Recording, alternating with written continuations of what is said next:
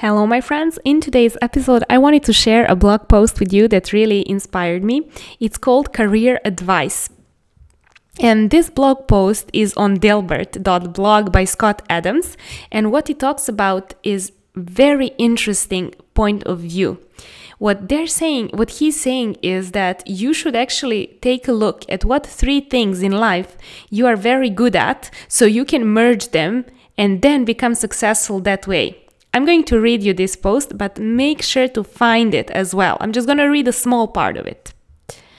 For every person who studies something specific, such as the law or medicine, and actually ended up in that sort of career, I think there are five who let chance pick their careers. That works out more often than you'd think, but you can't recommend it as a career strategy. Instead, I recommend a general formula for success. Let me explain. If you want an average successful life, it doesn't take much planning. Just stay out of trouble, go to school, and apply for a job you might like. But if you want something extraordinary, you have two paths become the best at one specific thing or become very good at two or more things.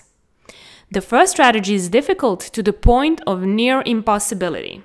Few people will ever play in the NBA or make a platinum album. I don't recommend anyone even try.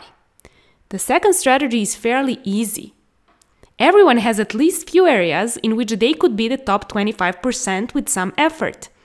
In my case, I can draw better than most people, but I'm hardly an artist.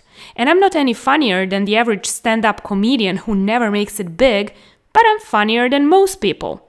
The magic is that few people can draw well and write jokes. It's the combination of the two that makes what I do so rare. And when you add in my business background, suddenly I had a topic that few cartoonists would hope to understand without living it.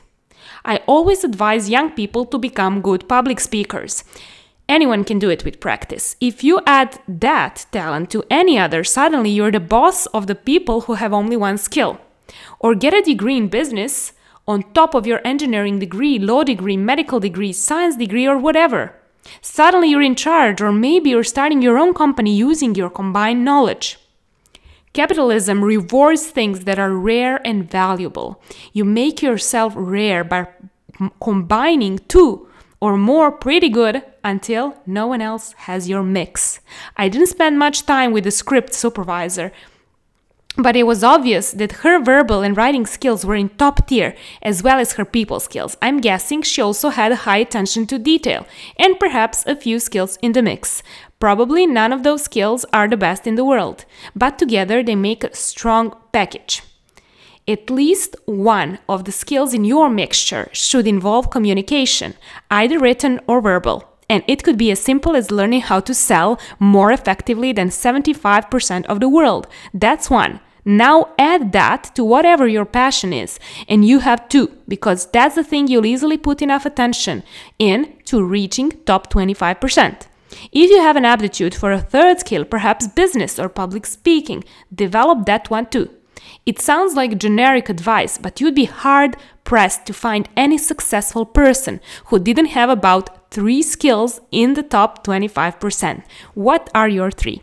So this is the post. Go to dilbertblog.typepad.com and the, type in career advice. Now that I got to thinking about this, I think this is what makes me successful in my business because I freaking love sales. I've been writing my whole life as a child, even every day journaling since age 5. I also enjoy communication and negotiation. I love public talking, public speaking, and public performance where I get to meet a lot of people and exchange energy with them.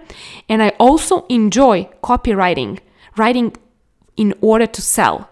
And that those are my passions. And when I combine sales with communication, public speaking, and copywriting, and reading one, one book every day for years now, that really makes me invincible in my field you can ha- you can have like lots of more people that are very good at any of those skills better than me.